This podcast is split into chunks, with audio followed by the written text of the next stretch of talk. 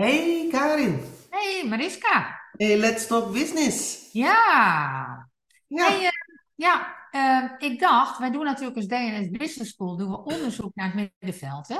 ja, En met name eh, de zes rollen van het middenveld, waar onze specialisatie eh, ligt.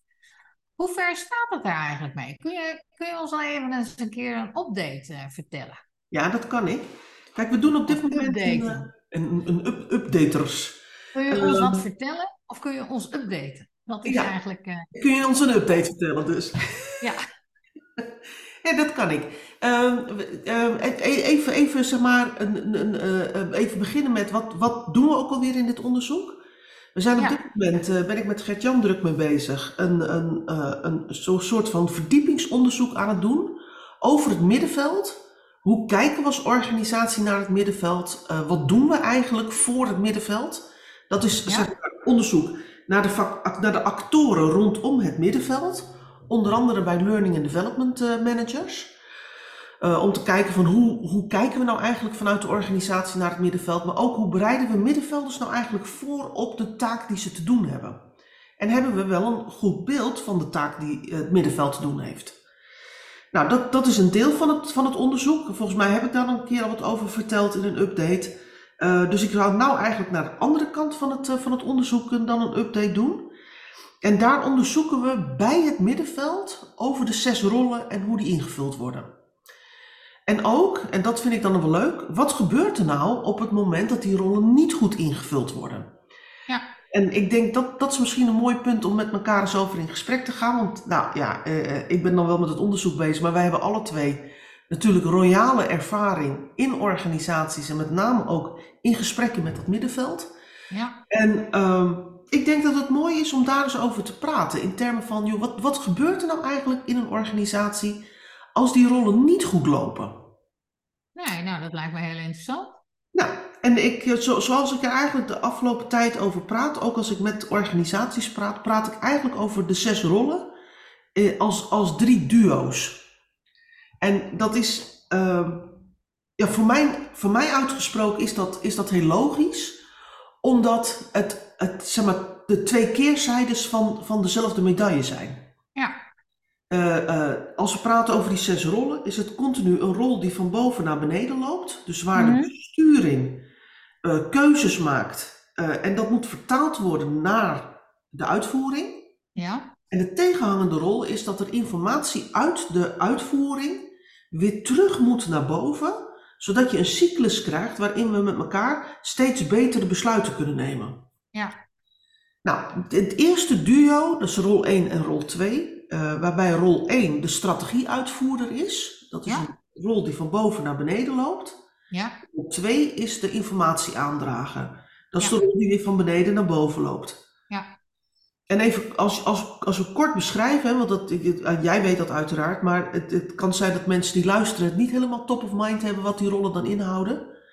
Die rol van de strategieuitvoerder is uh, de besturing neemt een, een, doet een strategische analyse, bepaalt waar de organisatie naartoe moet hè, op langere termijn, bepaalt de eerste mijlpaal. Nou, en over een paar weken begint er weer een nieuw kalenderjaar. Dat is voor de meeste organisaties een, het startpunt van het nieuwe jaarplan. En als het goed is, is dat jaarplan is voor een deel going concern en voor een deel is dat werken aan de toekomst van de organisatie.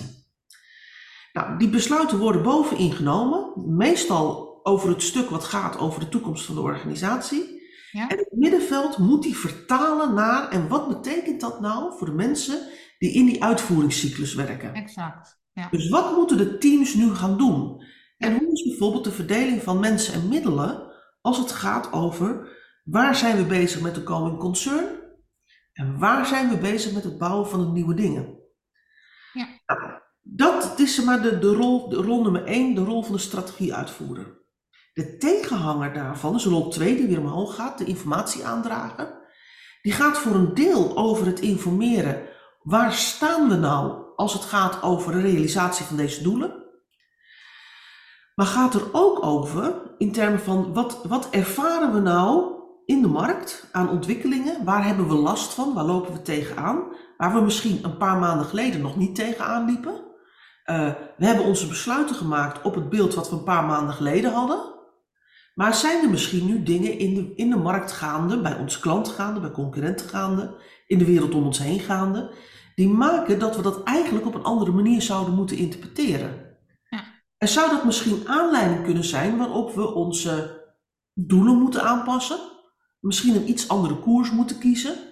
Of misschien bepaalde dingen uit ons grote, grotere plan naar voren halen en andere Ja. dingen wat naar achteren duwen? Eh, eh, dat gaat dan over de nieuwe ontwikkeling, maar het kan ook gaan over de going concern. Want vaak is de going concern is de, is de financiële kurk waar we als organisatie op drijven en waar ook het geld uit moet komen wat we investeren in de nieuwe ontwikkelingen. Ja. En je wil dus ook vroegtijdig de thermometer erin hebben in termen van eh, eh, eh, loopt die going concern nou op een goede manier?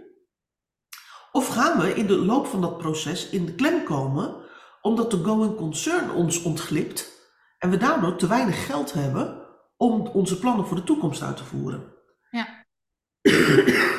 nou, mijn ervaring is, en je, en je, en je weet, hè, ik, ik beschrijf het middenveld vaak als, als, een, als een goed gevulde hamburger, broodje hamburger. En dan zit de besturing is het broodje aan de bovenkant en de uitvoering is het broodje aan de onderkant. En alles wat daartussen zit, dat is het middenveld. Ja. En als je nou in een, eh, niet als je bij de McDonald's een hamburgertje bestelt, want die zijn redelijk plat. Daar kun je je kaken zo omheen krijgen, roep ik altijd maar. Maar stel even, je gaat ergens in een, eh, in een lunchcafé of in een brasserie zitten of zo. Ehm, eh, en je bestelt een broodje hamburger, dan krijg je vaak een broodje wat groter is dan je kaken kunnen omvatten. Ja. Dus wat doe je? Je pakt dat broodje zo in je handen. Eh, nou, een hamburger mag je met je handen eten, vind ik altijd. En dan knijp je wat in dat broodje, zodat die zeg maar op het formaat van je kaken komt. En dan zet je je kaken erin. Maar wat, je, wat er gebeurt op het moment dat je knijpt, en zeker op het moment dat je dan bijt op een ham, broodje hamburger, wat toch al een beetje op druk staat, is dat je slaablaadje, je saus en je komkommer er aan de achterkant gewoon weer uitvallen. Ja. Ja, ik, ik kan geen mooiere metafoor vinden over wat er in organisaties met het middenveld gebeurt. Ja, je beschrijft het ook heel beeldend. Het is net als met een tompoes, hè? Er is geen mogelijkheid om dat op een nette manier te eten. De vulling van de tompoes. Dit is, Ja. dat, dat is het middenveld. Ja. Ehm, ehm, en, en wat er gebeurt is eh, dat zowel vanuit de, dat, dat vanuit de besturing wordt er druk op de organisatie gezet in termen van er moet meer. Mhm. Vanuit de uitvoering wordt er druk op het middenveld gezet, op de organisatie gezet in termen van, maar er kan niet meer in de huidige omstandigheid. Nee. En het middenveld is de partij die die twee meningen, die twee overtuigingen bij elkaar moet brengen en werkbaar moet maken voor de organisatie. Nou, wat, wat, wat ik in de, in de recente, eh, want behalve de accreditatie waar we het vorige week al over hebben gehad, heb ik de afgelopen weken veel gesproken met mensen die in het middenveld werken. En eh, ik krijg heel veel, eh, ik, ik noem het altijd, wat zijn je squeeze momenten? Hè? Dus, dus wanneer wordt er in je geknepen en wanneer voel je dat de, de, de saus en de, en de komkommer uit de hamburger stroomt? Squeeze momenten. En, en wat krijg ik dan terug van, eh, van mensen op het middenveld? Ik weet niet precies wat de doelen zijn.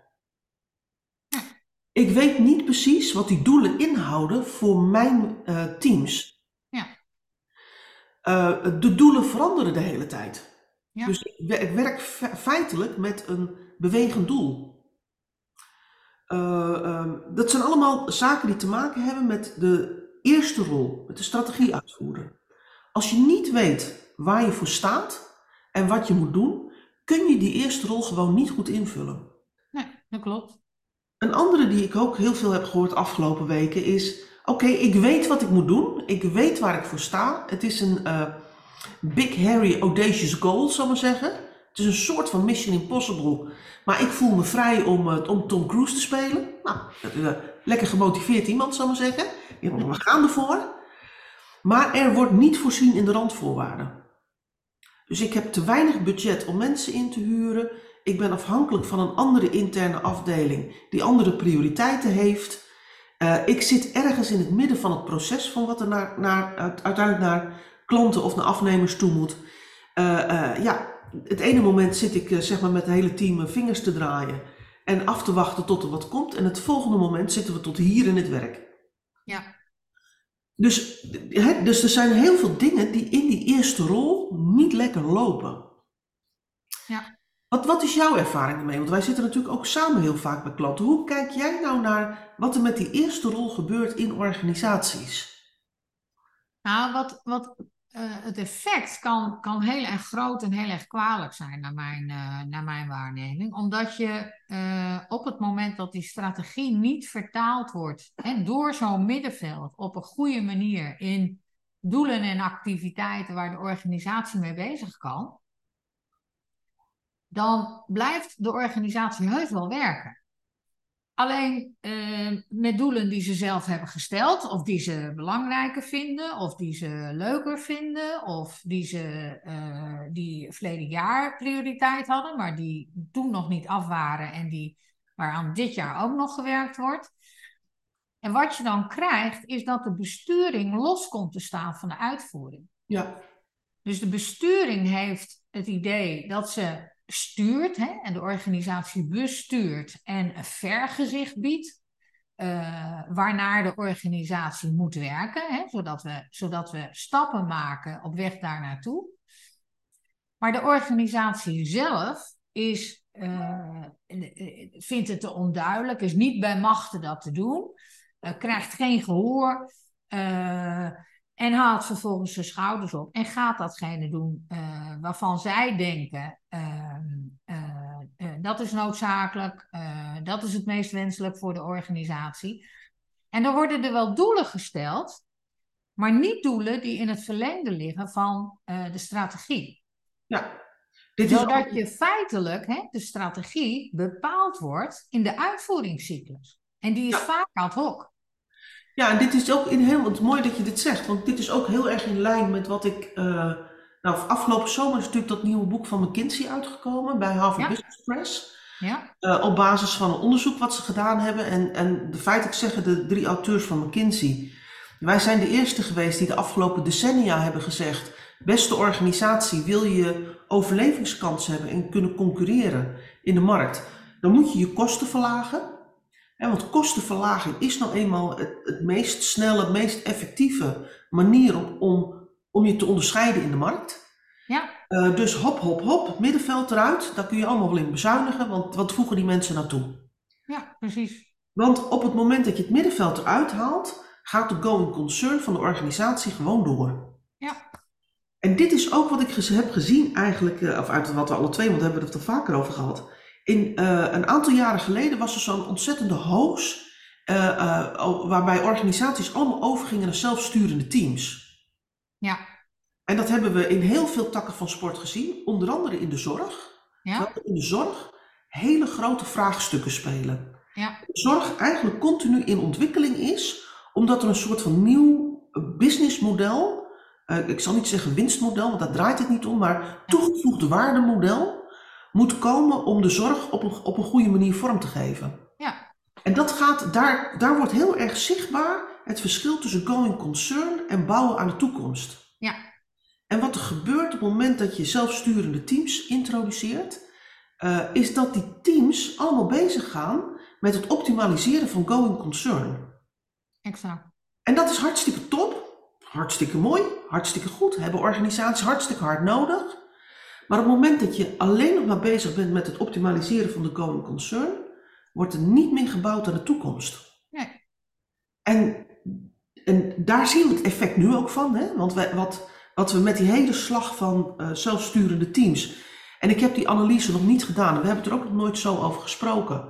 Maar toen we in die slag bezig waren, zag je ook dat uh, uh, er ziekenhuizen waren die er financieel onderdoor gingen. Ja. Die financieel in de problemen kwamen. En dat komt omdat de wereld, zeg maar, hoe we denken over de zorg en de wereld en de nieuwe technologieën en behandelingen, die ontwikkelen zich wel. Maar als de organisatie zich niet mee, mee ontwikkelt om dat goed te kunnen handelen, en dat is werken aan de toekomst, ben je alleen maar bezig met het, met het werk van gisteren en van vorige week en van vorige maand. Ja. En dan ontstaat er een discrepantie tussen wat, wat er gebeurt en wat je wil dat er gebeurt. En dan zie je dat die operationele fit echt langzaam oplost. Dat, ja, dat is eigenlijk denk, heel zorgwekkend. Ja, ik denk dat dat, dat, dat als je doordenkt hè, dat die zelfsturende teams met name bezig zijn met datgene wat zich dagdagelijks voordoet. Mhm. En niet zozeer met het vormgeven van de realisatie van doelstellingen die de organisatie continuïteit in de toekomst geven. Ja. En als je kijkt naar eh, organisaties die een hele grote opdracht hebben, zoals de zorg, hè, want hoe gaan we dat vormgeven? Eh, over twintig jaar, hè, met, met hetzelfde niveau van zorg wat we nu eh, leveren, zou over twintig jaar een derde van de mensen werkzaam moeten zijn in de zorg. Terwijl over twintig jaar eh, ons, ons, onze werkende hoeveelheid mensen enorm afgenomen is. Nou, laat ik het zo zeggen. Over twintig jaar hoor, de hoop ik in ieder geval alleen nog maar die dingen te doen die ik, als, die ik heel erg leuk vind. En niet maar omdat Ja. ik niet. Nee, exact. Maar ik bedoel, in algemene zin, hè, eh, krijg je dus een dubbel probleem. En dat is een zorg op, dat is een opdracht waar de zorg voor staat en waarvoor eigenlijk politiek ook kaders zou moeten bieden. Eh, ja, als het gaat over de zorg. Maar het gaat niet, dit, dit fenomeen speelt natuurlijk niet alleen in de zorg, hè?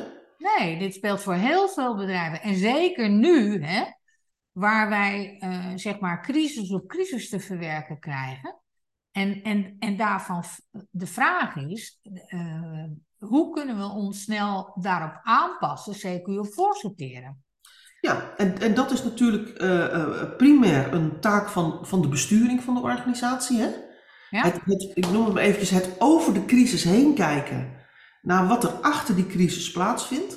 Ja? Daarbij natuurlijk ook, ook de vraag stellen van, is dit een marktverstoring of is dit een marktverandering? Ja? Daar hebben we het natuurlijk vaak genoeg ook over gehad en uitgelegd in, de, in deze podcast. Wat dat betekent eh, als, je, als je luistert en je weet niet precies wat het betekent. Kijk even terug eh, eh, op, op eerdere podcasts, want we hebben het vaker gehad over marktverstoring en marktverandering. Kun je het niet snel genoeg vinden, maak even een account aan bij ons op de, onze digitale campus. campus.dnhs.nl zit een uitgebreide bibliotheek in en daar, google je, of dat, daar zoek je even naar marktverstoring, marktverandering. Krijg je precies een beschrijving. Want dat, het onderkennen van, van is het nou een marktverstoring of een marktverandering, dat is een hele essentiële in hoe we omgaan met. En dan komen we volgens mij ook meteen bij rol 2 uit. Ja. Want als je vanuit de operatie kijkt, is er geen verschil tussen een marktverstoring en een marktverandering. Eh, Markt waarin je op dit moment, hè, dus vanuit de uitvoering, hè? Ja. Want je bent op dit moment bezig met, je, met, met te doen wat je moet doen, hè? het opleveren wat je als organisatie op moet leveren. Je bent Ja. bezig met interactie met klanten die je moet hebben om te zorgen dat de organisatie doorgaat. En die interactie met klanten wordt beïnvloed door iets wat er in de markt gaande is. Ja. Het kan een oorlog zijn, het kan een, kan een virus zijn, het kan, eh, eh, het hoeft niet meteen corona te zijn, het kan ook een griepvirus zijn zoals nu, hè, waarbij eh, een groot deel van het land plat ligt. Ik vorige week ook nog. ja, Ehm, ehm, het kan inflatie zijn, het kan onzekerheid zijn. Er, zijn allerlei. We, we hebben nu, eh, eh, Dubai heeft net een ei gelegd dat we weg moeten van fossiele brandstof. Ja. Eh, nou, top dat ze dat gedaan hebben. Eindelijk hè, we, we hebben een uitspraak. Top, top, top. Maar dat, daardoor komt er wel weer onzekerheid in de markt. En in de uitvoering heb je altijd te maken met die onzekerheid. Ja. Die is bepalend voor wat je doet. ja, Dus dat maakt niet uit of dat een marktverstoring of een marktverandering is. Het werkt in op de, op de, op de manier van werken die je als organisatie op dit moment doet. Als je naar de bovenkant kijkt, naar de besturing, dan heb je je plan over de toekomst. En in principe, als je, kijkt naar, als je maar lang genoeg vooruit kijkt, dus je horizon ligt ver genoeg weg. Hè, toen ik studeerde zeiden ze altijd strategische planning doe je op een termijn van 20 tot 25 jaar. nou, die termijn, daar kunnen we helemaal niks meer over zeggen, want zo voorspelbaar is onze wereld niet. nee, Je kunt wel een beeld hebben over hoe de toekomst wordt en ook wat je als organisatie in die toekomst wil zijn. Ja. En eh, als je blik maar ver genoeg is, is alles een, een hobbeltje. ja, als je blik maar ver genoeg is. Als je, ver, eh, als je blik ver genoeg is, is alles een hobbeltje. Een oorlog Ja. in Oekraïne is een hobbeltje. Oké, Ja. het duurt inmiddels al een tijdje, maar het is nog wel steeds een hobbeltje. Ja. Want we weten niet hoe lang het gaat duren, we weten niet wat de uitkomst gaat zijn, maar ooit komt er ook weer vrede. Ja, ik denk dat ehm, dat, dat ehm, op dit moment niet zo gevoeld werd, maar als we kijken naar de industriële revolutie, hè, dat was ook een crisis. Ja, Met crisis op crisis op crisis. En uiteindelijk zijn we eruit gekomen. ja. Misschien voor een ander onderwerp. Ja. Ehm, Maar maar ik denk wel dat, dat die rol 2, dat die zo essentieel is, want het middenveld van de organisatie heeft zijn voelhorens in de uitvoering, maar kent ook de plannen en de discussies van de besturing. Ja. En die kan, het een middenveld wat daar wat goed krachtig in de rol zit, kan onderkennen tot in hoeverre een, zeg maar, hoe, hoe de veranderingen in de dagelijkse gang van zaken in de uitvoering, wat voor soort impact die hebben op de plannen en het succes van de organisatie naar de toekomst toe. Ja.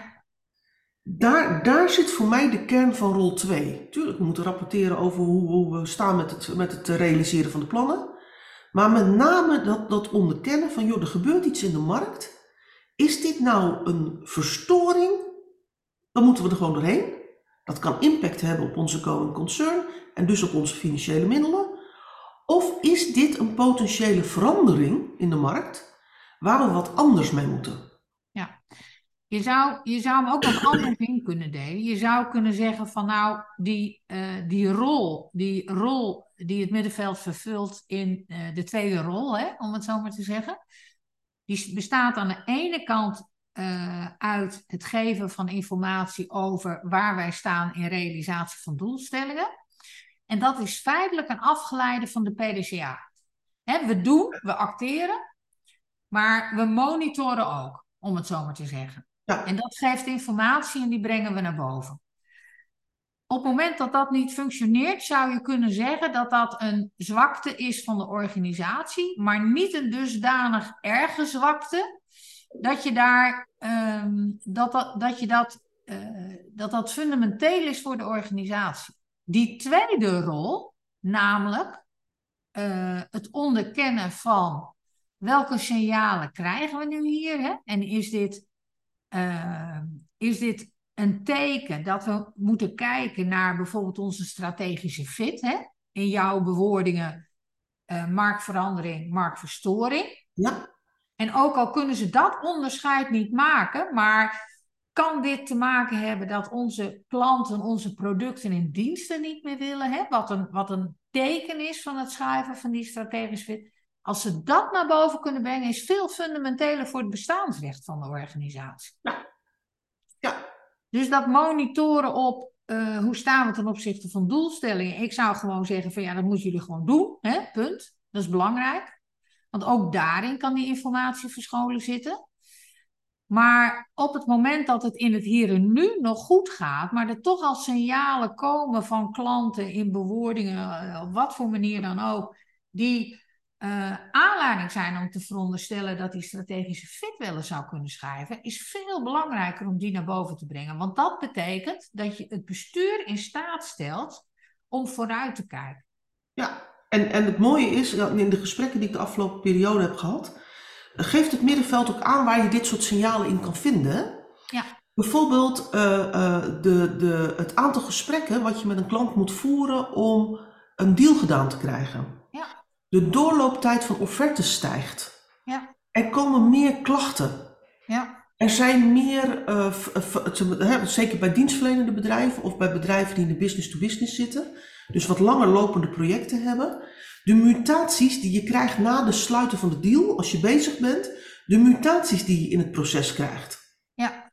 Dat, dit, dit zijn signalen dat datgene wat je, wat je wil bieden, hè, wat, dus wat je, waar je strategisch en operationele fit op is gericht, dat dat, dat dat wat minder aansluiting krijgt bij wat je klanten daadwerkelijk willen. Ja, exact. En dan kan het in twee dingen zitten. Het kan zijn dat wat je aanbiedt niet meer aansluit bij je doelgroep. Het kan ook zijn dat je gaandeweg in een andere doelgroep terecht bent gekomen. Ja. En beide zijn aanleiding om, om het signaal omhoog te brengen in termen van hier moeten we ergens opletten of om te kijken, moeten we iets herijken? Ja.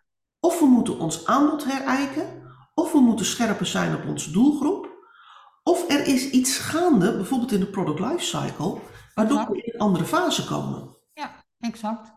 En, en dat, hè, eh, ook als je bijvoorbeeld, eh, ik had een gesprek met iemand die zit in, eh, in, in account management bij een grotere organisatie. Die zegt, we zien de laatste vier, vijf, zes maanden, zien we andersoortige concurrenten opkomen. We hadden altijd een vaste set met concurrenten, grote jongens, zal ik maar zeggen, die we jaren tegenkomen in al onze deals. En opeens zien we kleinere organisaties in onze, in onze business komen. Die voor op de een of andere manier voor klanten ook interessant zijn om daar eh, mee te gaan praten, om te kijken of ze daar zaken mee willen doen. Nou, dat is denk ik een heel belangrijk signaal eh, dat er in die markt ergens iets aan het schuiven is. absoluut. En, en, en dat is, hè, als je nou praat over deze eerste twee rollen, want volgens mij komen we in deze versie van, de, van onze podcast niet verder dan het eerste duo. Nee, we moeten, we moeten er maar eh, we moeten er wel, wel wat meer podcasts over doen. Want het is wel van belang om het ook op deze manier eh, te behandelen, zodat we ook voorbeelden geven die op herkenning, Ja. die aan erkenning, eh, nou ik ben het woord even kwijt, maar in ieder geval, Ja. waarop mensen herkent. Ja, precies. Want op het moment dat deze twee rollen niet goed ingevuld zijn, dan heb je aan de ene kant heb je te maken met, met rol 1, van boven naar beneden, is dat je vanuit de besturing plannen bedenkt, maar dat ze niet uitgevoerd worden, Nee. om wat voor reden dan ook. Hè? Ja. Of omdat mensen in de uitvoering niet weten dat je dit wil. Of omdat de mensen en middelen anders worden ingezet. Of dat er überhaupt geen mensen en middelen zijn om het te doen. Nee? Eh, eh, wat je dan vervolgens krijgt, is wat jij ook zo, zo mooi beschreven is, hè, dat de besturing en de uitvoering uit elkaar gaan lopen. Ja. De bestuurder denkt dat hij bestuurt en dat de uitvoering denkt dat ze goed bezig zijn. En in de tussentijd komt de organisatie eigenlijk niet van zijn plek. Nee. Op het moment dat... Dat is, dat is ook wat er gebeurt met die zelfsturende teams. Ja, ja, precies. Hè? Dat is los van elkaar. Ja, en, en, en niets ten nadele van wie dan ook in die organisatie. Hè? Nee, absoluut. Iedereen heeft, heeft, doet zijn, zijn stinkende best om het op het maximale te doen voor de klanten, voor de, voor de patiënten, voor de eh, cliënten, hoe je ze ook noemen wil, voor de afnemers, voor de mensen die waarde ontlenen aan wat jij als organisatie doet. En ook de besturing heeft het gevoel dat hij zijn stinkende best doet om na te denken over de toekomst en de organisatie klaar te maken voor de toekomst. Ja. Alleen, het, het, ik, ik noem het dan maar eventjes, het alignment is er niet. Het is Nee. niet op elkaar aangesloten.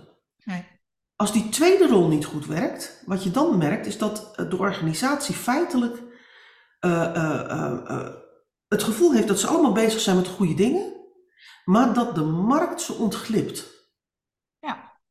En, en het gekke is, eh, ehm, ehm, en daar, misschien moeten we daar volgende week over hebben, want misschien is dit ook wel een voorbeeld ervan. Maar daar kunnen we even over nadenken. Eh, Campina Melkunie zit in de, in, heeft problemen, hè? Ja. Eh, jij, jij vertelde dat eh, voor onze Let's Talk Business. Eh, Maar laten we het eerst hierover hebben. Maar misschien past dat wel bij elkaar. Ehm, de winst daalt, de omzet ontglipt ze en de reactie is we gaan mensen ontslaan. En de vraag is of, of, of er niet iets anders aan de hand is, waarbij de reactie die ze nu geven niet aansluit op het probleem wat erachter ligt. Nee, dus de vraag is eigenlijk, de, bij- de vraag die ik bij Campina heb geformuleerd, maar daar moeten we een andere keer het over hebben, is: reageren ze nu op het verleden of anticiperen ze op de toekomst? Nou ja, en, en ik denk hè, dat het, het goed in je organisatie borgen van die tweede rol, die informatie aandragen, dus op alle niveaus zicht hebben op wat zijn nou de bewegingen in de markt. Ja, En dat zicht is op uitvoeringsniveau anders dan op het middenveld en weer anders dan op het besturingsniveau. ja, Ook daar zal een soort van alignment in moeten plaatsvinden in termen van we gebruiken de informatie die voorhanden is, gebruiken we ook om de organisatie het best mogelijke vertrekpunt te geven. ja, precies.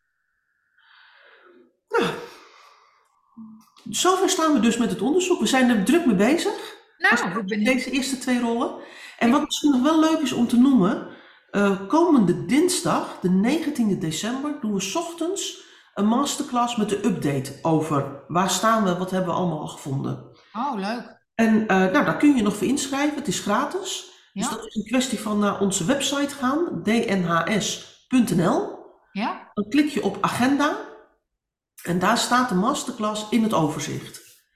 Uh, uh, nou, laat je in een korte tijd, zou zeggen aan iedereen die luistert, laat je in een korte tijd bijpraten over inzichten die we tot nu toe op hebben gedaan uit ons onderzoek.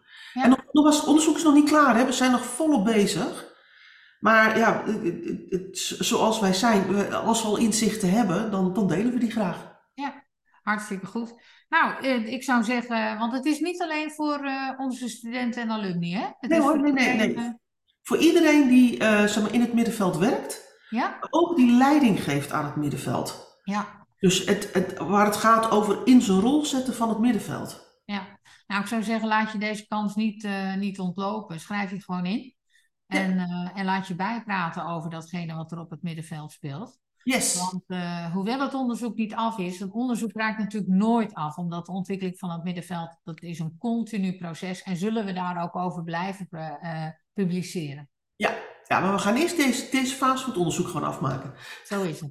Hey, uh, nou, ik spreek je graag weer volgende week. Volgende week gaan we denk ik over het volgende duo hebben. Denk het ook. Hey, tot dan. Oké, okay. Doei doei! Doei!